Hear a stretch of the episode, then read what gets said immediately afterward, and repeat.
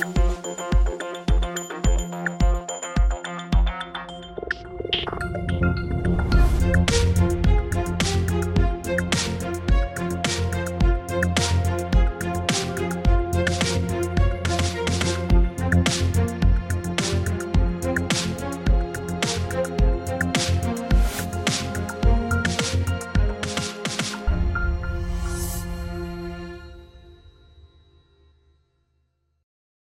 Assalamualaikum warahmatullahi wabarakatuh.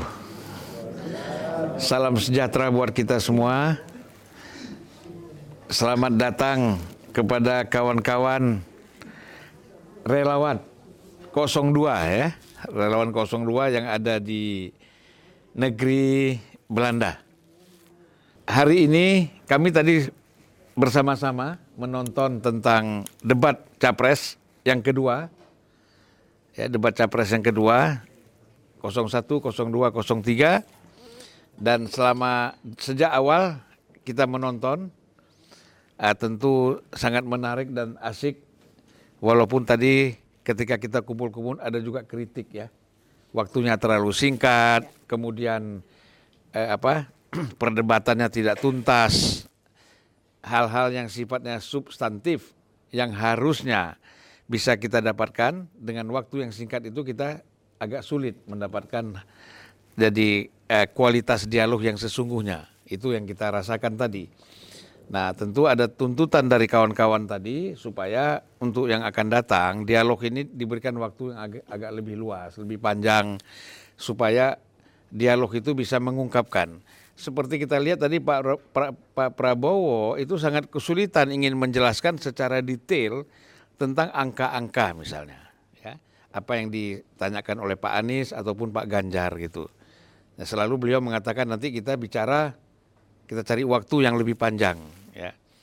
Nah, ini memang sulit ya kalau kita ingin menjelaskan karena kalau kita bicara Menteri Pertahanan sekarang itu tidak bisa dilepaskan dari apa yang dikerjakan atau policy-policy dari Menteri Pertahanan yang sebelumnya.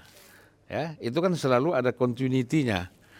Nah, jadi sehingga itu agak menyulitkan kalau dipertanya, dipertanyakan kepada Menteri Pertahanan sekarang, misalnya yang dijabat oleh Pak Prabowo, itu memang tidak mudah dalam waktu yang singkat menjelaskan semuanya sampai tuntas dan detail itu nggak mungkin. Apalagi, apalagi bicara angka-angka ya, itu lebih sulit lagi. Nah, oleh karena itu nah kita di sini eh, ingin sedikit mengungkapkan lah, ya apa yang kita lihat tadi dari saya ini ditemani oleh kawan-kawan ini. eh,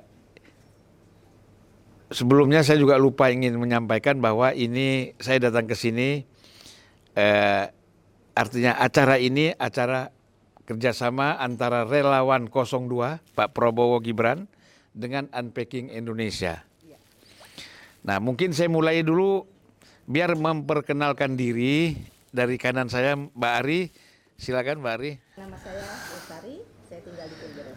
Saya relawan uh, 02 yang sudah um, ya kalau soal relawan saya berjuang sudah dari tahun 2014 dan sekarang saya bergabung dalam relawan Gibran Nasional. Ya, silakan Bu. Uh, selamat sore, nama saya Gina, saya tinggal di Hofdorp, uh, Belanda dan saya tergabung dalam relawan Prabowo Gibran, relawan 02. Terima kasih. Perkenalkan nama saya Rosmega Sihaan. Saya tinggal di Rotterdam. Saya eh, relawan dari Pak Prabowo dari tahun 2014 dan sampai sekarang dengan Pak Prabowo Gibran.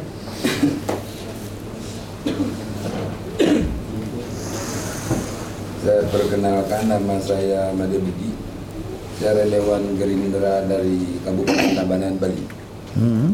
Sampai sekarang mungkin saya tetap masih jadi pecinta dan pengurus partai. Sekarang menetapnya di mana? Di Rotterdam. Oh, dulu asal dari Bali. Ya. Terima kasih. Silakan. Selamat siang, perkenalkan saya Dewi Mas. Saya tinggal di uh, Reisenhout dekatnya Skipol. Saya uh, relawan 02 sebelumnya saya cinta sekali Pak Jokowi dan sekarang saya makin cinta Pak Jokowi dan Mas Gibran hmm. dan juga Pak Prabowo. Ya mari kita tepuk tangan kepada narasumber kita ini luar biasa ya. Artinya semangat untuk memenangkan 02 ini memang luar biasa ya. Sekali Kalau saya ini kan terus terang aja sempat juga diundang untuk hadir acara capres debat capres kemarin oleh kawan-kawan TKN ya tapi saya tidak bisa hadir karena saya kebetulan berada di luar Jakarta dan hari ini berada di eh, Belanda. Dan banyak sekali orang bertanya kepada saya Julfan ini sebenarnya dukung siapa? 02 01 atau 03 saya selalu mengatakan bahwa sebagai eh,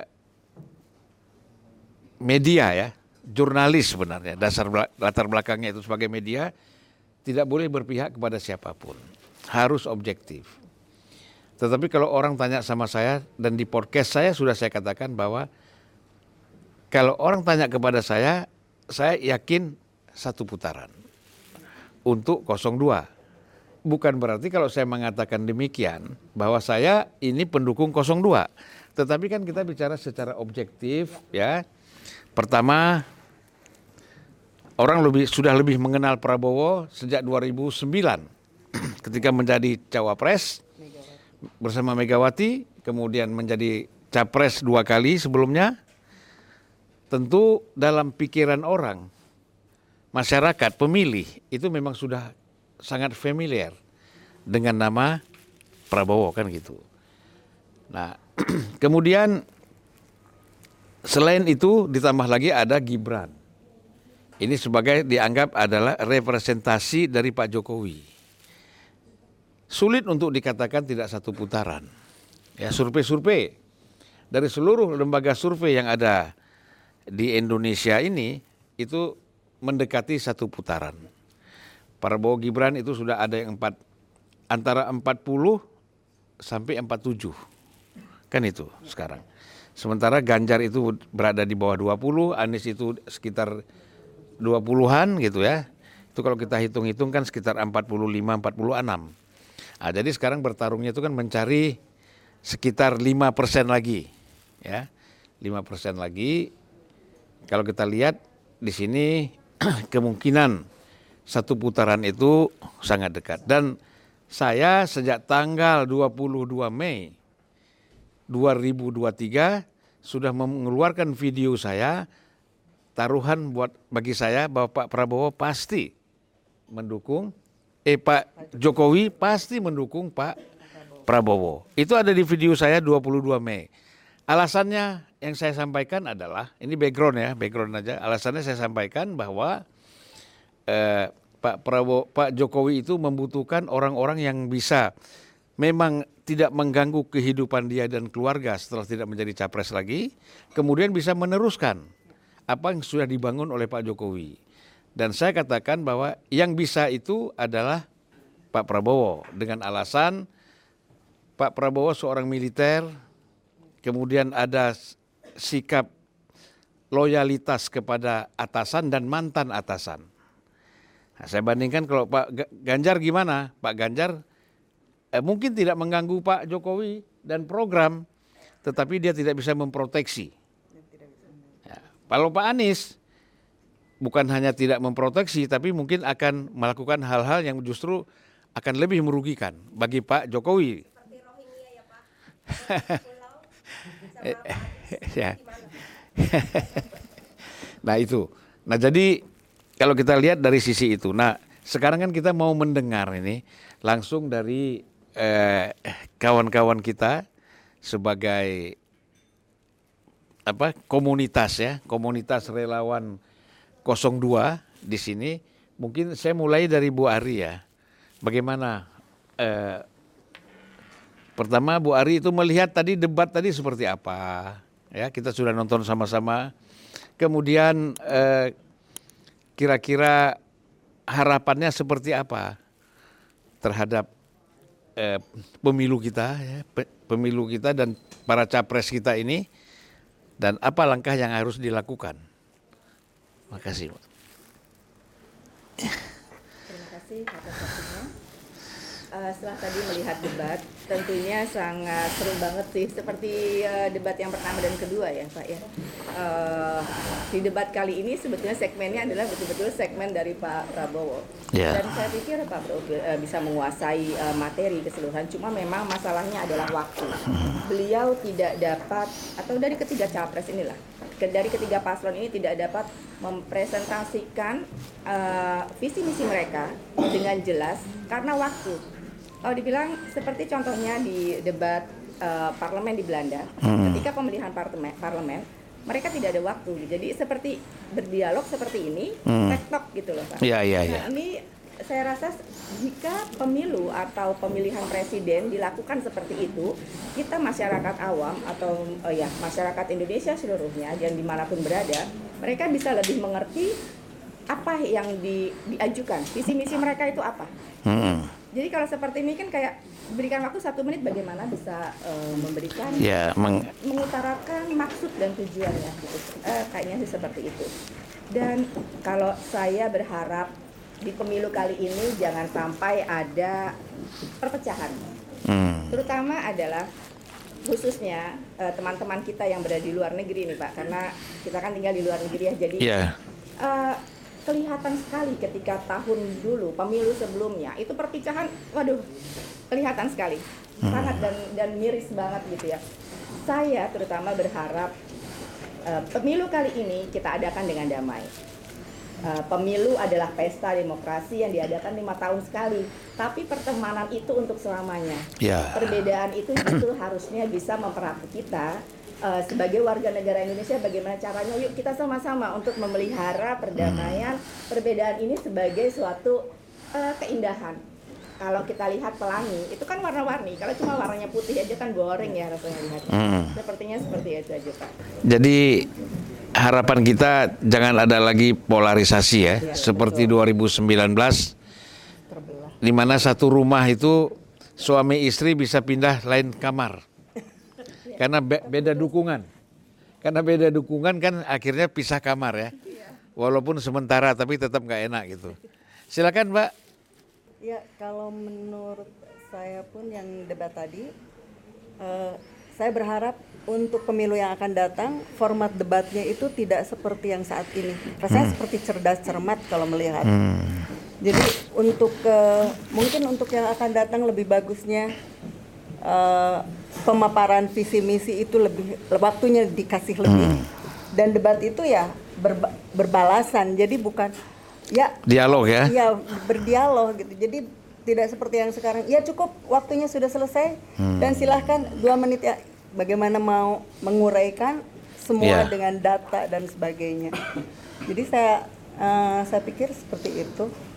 Dan eh, ya betul untuk eh, pemilu ini saya berharap juga tidak terjadi polarisasi Hmm. karena pengalaman-pengalaman eh, tahun yang lima tahun yang lalu eh, di mana sesama teman aja kan sampai sekarang masih banyak yang eh, mereka tidak ada komunikasi lagi Iya, iya. dengan eh, dengan pemilu yang lalu.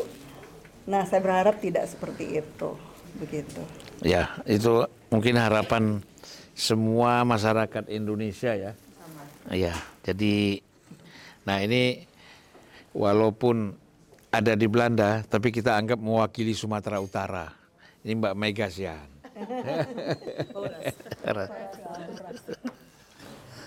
eh, mewakili Sumatera Utara itu yang saya dari Sumatera Utara Pak orang Batak Iya. Bapak kan tahu lah kalau orang Batak. Kan eh, bagi dua nih sekarang nih. Kalau saya dari kan dari 2014 dah Pak Prabowo. Eh, yang saya lihat hari ini eh, ini bintangnya Pak Prabowo ya. Dia bintang. Sepertinya Pak menurut saya ini kayaknya diserang debat hari ini. Oh, Pak Prabowo diserang ya? Ya, saya seperti uh, em- apa uh, pas paslon satu dan tiga seperti emosi menanggapi dan tidak memberikan apa uh, padahal kan Pak waktu hanya satu menit. Tapi dia harus dituntut memberikan Ya. data uh, penjelasan Jadi, untuk kalau bisa Ya, ya. untuk debat yang akan datang kan waktunya agak di, lebih apa lebih ditambah lagi. Hmm. Ya, seperti itu. Baik. Harapan saya untuk pemilu kali ini semoga ini kan teman-teman saya semua kita dulu juga Kita dulu ya. Bersebelahan. Kita dulu Bersebelahan. Wah, berseberangan. Jokowi dan itu eh, Prabowo. Prabowo. Ya, Tapi salah satu tim yang bagus, yang solid sama teman-teman Pak. Kita semangat memenangkan Pak Prabowo.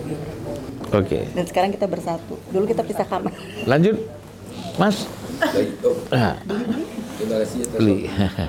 Kalau menurut saya sih sebenarnya tidak ngaruh ya Pak kalau masalah perdebatan-perdebatan seperti ini yang jelas eh, mungkin masyarakat dari hati-hati pada kawan-kawan semua terutama saya sendiri saya tetap memperjuangkan dan mendoakan tetap untuk kemenangan Pak Prabowo Gibran. Mungkin ya ada perasaan mungkin siapa pun mungkin di panggung kan ada aja perasaan sedikit dan gitu walaupun dia mana ya walaupun bapak-bapak yang sudah punya pengalaman pernah pidato di mana-mana kelemahan pas mungkin acara seperti debat yang tadi itu ya mungkin ada keburu-buru ada agak agak bingung lah mungkin untuk menjawab beberapa pertanyaan-pertanyaan dari lawan-lawan politiknya gitu. Iya. Tapi buat kami, eh, buat saya kalau masalah perdebatan itu tidak begitu pengaruh. Tidak mengaruh. Ya, betul. Yang jelas Prabowo tetap di depan. Ya. Ya, Mbak Dewi, ayo coba. Aduh, Apa mau dimulai nyanyi dulu? kalau saya paling jauh sebenarnya menghibur Pak. Ah. kalau malah masalah ngomong saya agak sedikit eh, susah. Susah basah. Bercanda. Oke, eh, saya eh, pemilu tahun ini kali ini itu eh, maaf ya sebagai penyanyi di sini eh, banyak sahabat teman dan kolega saya eh, mendukung di kamar sebelah, tapi eh, apa namanya saya cuma mengharapkan semoga eh, pertemanan kita, hubungan kita tetap damai gitu ya, karena eh, kalau saya eh, perhatikan pemilu sebelumnya dan sekarang kalau pemilu sekarang itu karena Gibran eh, wakil eh, calon wakilnya itu jadi kayaknya sangat dibully. Aduh sedih banget. Sedih banget. Saya kadang-kadang pengen nangis gitu ya.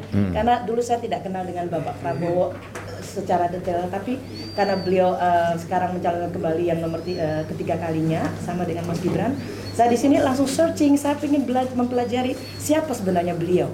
Dari situ saya sangat I can stop loving you Wih. Ya. I cannot stop loving you. Oke, mudah-mudahan Pak Tapi Prabowo dan Gibran. goyang goyang gemoynya Pak Prabowo sudah dipelajari Oh, juga dong. sudah. Ah. Kita. Ya, kita, kita goyang gemoy bareng-bareng. Ya, ya. Prabowo menang satu putaran. Terima kasih. Ya.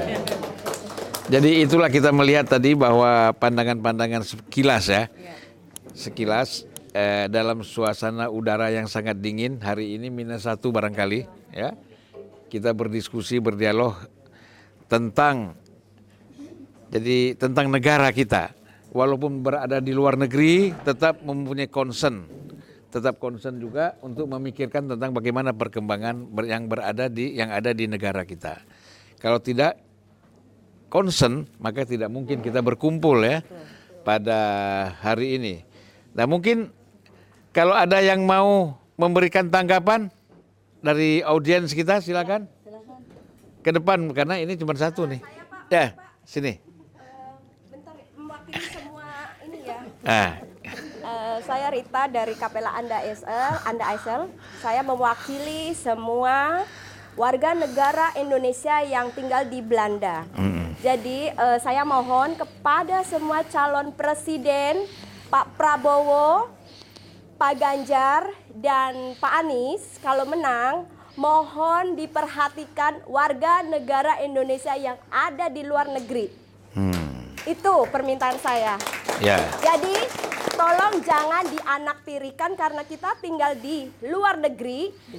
Jadi kita itu seperti tidak diperhatikan.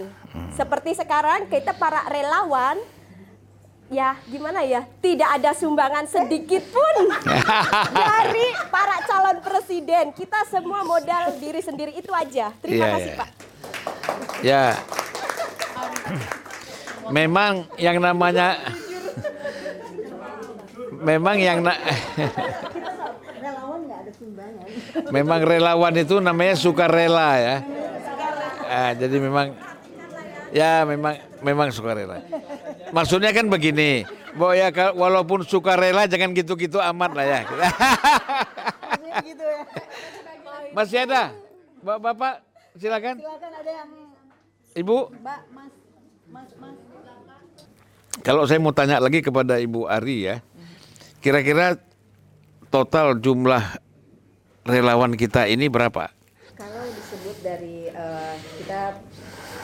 dari awal perjuangan eh, relawan Prabowo Gibran di Belanda sini kita bilang masuknya adalah kaum minoritas karena tentunya ketika di Belanda kita melihat perjuangan kita tahun di 2014 lalu ya Pak 2014 2019 kita banyaknya adalah Jokowi semua di sini. Nah, ketika eh, pemilihan presiden kali ini ambiar, bubar ke sana ke sini gitu Ya, ya. ya, kita ya. tidak ada tidak tahu berapa nih awalnya. Awalnya terbentuk relawan Prabowo Gibran ini hanya tiga orang yaitu saya, Mita dan Rick. Nah, dari tiga ini eh, saya bilang kita tidak bisa kalau misalnya berjuang secara langsung. Jadi Ya. Senyap kita berjuang senyap ya alhamdulillah. Sampai detik ini di dalam grup relawan eh, Gibran nasional itu sekitar ada 40 orang yang solid sudah. Dan sekarang alhamdulillah yang hadir hari ini adalah sekitar Iya, sampai ini belum yang ada. daftar itu ada 75 orang. Tapi kemarin ada dua yang cancel karena tidak bisa hadir. Dan insya Allah di tanggal 28 Januari kita akan ada kampanye akbar yang juga akan diadakan di Den Haag insya Allah hadir sekitar 400 sampai 500 orang Ya. itu sudah yang sudah Eropa itu. sampai hari ini adalah sudah di sana. Nah, yang terima Ya. kasih kepercayaan kita berjuang bersama-sama untuk bisa eh, Gibran sorry Prabowo Gibran satu putaran itu tujuan kita. Dan mengharapkan Bu Sri, tadi- Bu Ari tadi ngomong sama saya, mengharapkan pada tanggal 28 Januari itu akan menghadirkan juru bicara utama 02 dari Jakarta ke sini ya. Iya, dan Abang. Dan Ah. Dan Abang. Iya, jadi eh, kalau bisa ini melalui podcast Bang Julfan, saya mengharapkan Bapak Kodari, Kodari. Wah, Bapak Muhammad Kodari dan juga eh, Pak Hasan Nasbi Ah, itu bisa hadir di Belanda dan eh, tentunya kita semua di sini sangat-sangat mengharapkan kehadirannya. ya, Insya Allah. itu kebetulan dua orang pengamat politik dan eh, yang punya lembaga survei. Iya, betul. yang memang juga menjadi juru bicara ya. Jadi saya kira memang harus ya kita harapkan semua juru bicara juru bicara atau tokoh-tokoh nasional dari masing-masing capres ini bisa berkomunikasi langsung dengan relawan-relawannya para pendukung-pendukungnya yang ada di luar negeri. Jadi supaya jangan apa ya seperti eh, dalam hayalan kan gitu. Hah? Diperhatikan lah Pak. Ya. WNI yang ada di Belanda di Eropa Jokowi juga menang loh Pak. Ya. Itu jangan dilupakan. Dan Iya. sekarang Prabowo juga harus kasih kita eh, semangat semuanya penerusnya masa depan. Iya. Gimana kalau nggak ada kita kita? Kalau dari Indonesia sendiri pemerintah tidak mendukung kita yang ada di luar negeri itu maksud saya. Ya. Makanya kumpulnya jangan hanya menjelang Pilpres. Iya. Nah, harus sering-sering. Karena kan komunikasi-komunikasi ini ide-ide yang diinginkan, semangat ini harus sering diadakan supaya didengar. Kadang-kadang kalau sekali-sekali kita ngomong kan orang tidak mendengar. Ya, nah termasuk kita yang ada di Indonesia yang selalu komunikasi akan mendorong itu, ya supaya bagaimana saya kira memang salah satu upaya yang harus dilakukan paling tidak tidak menyulitkan ya warga negara Indonesia yang ada di luar negeri termasuk yang ada di eh, Belanda misalnya. Ini adalah saya kira memang tugas pemerintah. Bagaimana juga negara-negara lain itu ada satu saja warga negaranya yang tersakiti, mereka akan mengambil sikap tegas baik secara politik ataupun secara diplomasi. Nah, itu yang kita harapkan, ya. Nah, memang komunikasi itu penting, informasi yang disampaikan itu penting, ya. Sama halnya apa yang terjadi dengan warga negara kita di Timur Tengah, ya, di Malaysia, di Hong Kong, di mana-mana ya. Saya kira itu kan semua daerah akan mengalami hal yang sama seperti itu. Jadi itulah akan kita perjuangkan dan tadi harapan saya kira kepada tokoh-tokoh yang para pendukung utama capres yang ada di pusat Jakarta harus mendengar ini. Ya, nanti kalau jadi menterinya Pak Prabowo atau jadi menteri menteri salah satu siapa yang menang, walaupun kita di sini kan yakin bahwa satu putaran Pak Prabowo menang kan gitu. Tetapi kita itu kan pikiran kita. Tapi kita tidak tahu terjadi apa yang akan terjadi yang akan datang. Kita itu wallahu alam itu haknya Tuhan semata. Saya kira kita cukupkan di sini ya. Mudah-mudahan kita berjumpa lagi ya dan ini akan ditonton oleh banyak masyarakat Indonesia nanti dan masyarakat di di Belanda dan di negara-negara lain Seluruh dunia seluruh dunia ya memang akan ditonton betul. memang akan ditonton. Kebetulan podcast Unpacking Indonesia memang sudah menyebar di beberapa negara ya, banyak negara. Saya kalau Saya Pak. ya saya kalau ketemu di airport itu ada yang ketemu dari Qatar, bukan orang Indonesia kadang-kadang ketemu dari di UK di mana sering ketemu. Jadi baiklah saya ucapkan terima kasih ya kita sudah bertemu di sini, sudah berdialog. Mudah-mudahan ini semua bermanfaat ya. Dan ini temuan eh, pertemuan ini sebenarnya tidak direncanakan lama. Jadi saya ada di podcast saya ada komen dari Mbak, Mbak Dina ya. Ada komen ada di Belanda nggak ada saya bilang. Oh kalau gitu kita ketemu ayo ketemu. Saya juga nggak tahu siapa. Dia nggak sebut apa-apa. Yang luar biasa nih abang ini udah terkenal. Tapi dia masih membalas komen recehan saya. Ya. Tamunya di podcastnya Bang Julfan itu bukan yang kaleng-kaleng. Tamunya benar-benar tamu-tamu yang pet- petinggi-petinggi semua. Tapi dia masih membalas komen saya yang bilang, aduh abang, saya penggemar abang. Oh, oh ya mbak. Sampai saya teriak-teriak, eh komenku dibalas. Karena abang ini wakil dari negara Indonesia supaya Ya. menunjukkan apa yang ada di unek-unek relawan Belanda. Iya. Ya saya nggak tahu kalau dia ada di Belanda.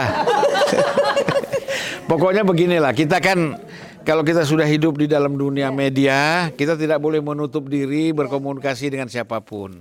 Siapa pun kalau memang bertanya saya pasti, akan menjawab. Jadi saya mungkin termasuk yang paling rajin, ada 2000, 3000 yang komen itu saya baca semua. Saya-. Ya, karena begini, kenapa saya harus baca? Saya harus tahu apa pandangan, bukan pandangan saya yang harus diketahui saja oleh para pemirsa, tetapi kan saya harus tahu apa pandangan penonton podcast terhadap kita.